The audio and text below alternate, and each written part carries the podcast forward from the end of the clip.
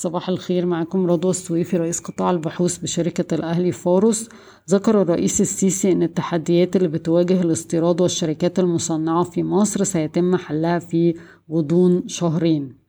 استقبلت مصر ما يقرب من خمسة مليون سائح في النصف الأول من عام عشرين اتنين وعشرين مقارنة باتنين وستة من عشرة مليون سائح في النصف الأول من واحد وعشرين.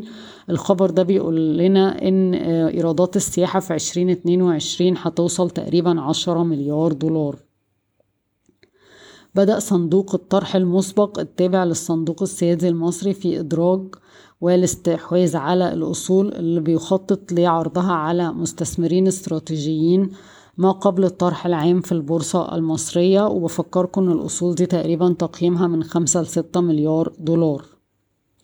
تقدمت الجمعية المصرية لتجار وموزعي الأسمدة بطلب إلى مجلس الوزراء تطالب فيه بأن يقتصر دعم الأسمدة على سبع محاصيل استراتيجية منها القمح والذرة والقطن والقصب مع التحول إلى الدعم النقدي الذي سيتم دفعه للفلاح مباشرة بدل من الأسمدة المدعمة.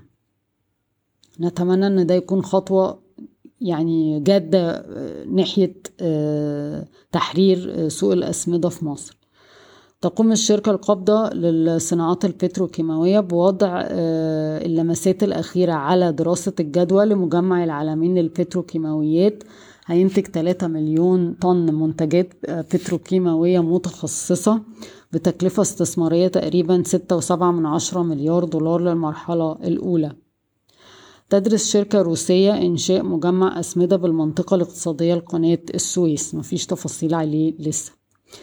تهدف هيئة الأراضي والمواني الجافة إلى جذب استثمارات بقيمة 350 مليون دولار لمشروع ميناء العاشر من رمضان الجاف وفي تحالفات كتيرة بفكركم متقدمة منها السويدي ومنها مواني أبو ظبي مع أوراسكوم والعطاءات هيتم البت فيها في خلال 3 شهور. وقعت وزارة التموين أمس عقود نهائية بقيمة 12 مليار جنيه مع حسن علام وأوراسكوم للإنشاءات وسامكريت لبناء أربع مستودعات لتخزين السلع. وقعت مدينة نصر اتفاقية شراكة مع أستن College لإنشاء أول مدرسة دولية في تاج سيتي ومنحت إعمار مصر عقد بقيمة 560 مليون جنيه مصري لبناء حوالي 200 مكتب في كايرو جيت. في حوالي تلاتة ونص مليون منزل في القاهرة في حوالي جوه خمس تلاف قرية مصرية هيوصل لهم إنترنت عالي السرعة تحت مبادرة حياة كريمة وبفكركم إن المصرية للاتصالات هي المستفيد من المشروع ده. لأن ده محرك رئيسي لنمو الإيرادات بالنسبة للمصرية للاتصالات في عام عشرين اتنين وعشرين. المرحلة الأولى من المشروع تقريبا هتدخل لهم سبعة مليار جنيه إيرادات والحكومة هي اللي هتدفع بالكامل للمشروع مقدما.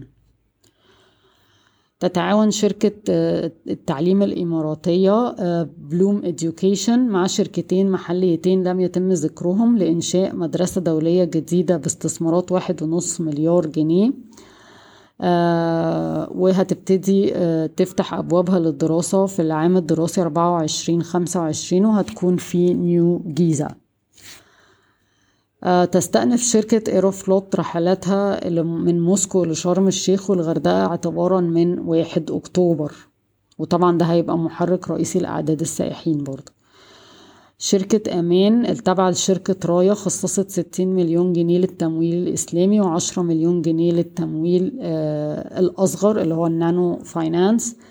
آه وعندها خطة على مدى ال 12 شهر القادمين إنها توصل بمحفظة 45 مليون جنيه للتمويل الإسلامي و4 مليون جنيه لل nano finance. آه شركة Trella وقعت اتفاقية مع Contact Financial Holding لمنحها والشركات الناقلة اللي بتعمل معاها آه التمويل اللي بيحتاجوا إليه في على مدى السنة القادمة.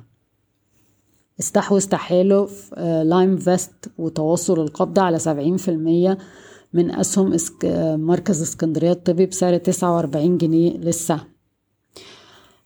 شركة مصر للفنادق هتوزع تلاتة جنيه مصري بعائد في المية تاريخ التسجيل حداشر أكتوبر وتاريخ التوزيع ستاشر أكتوبر.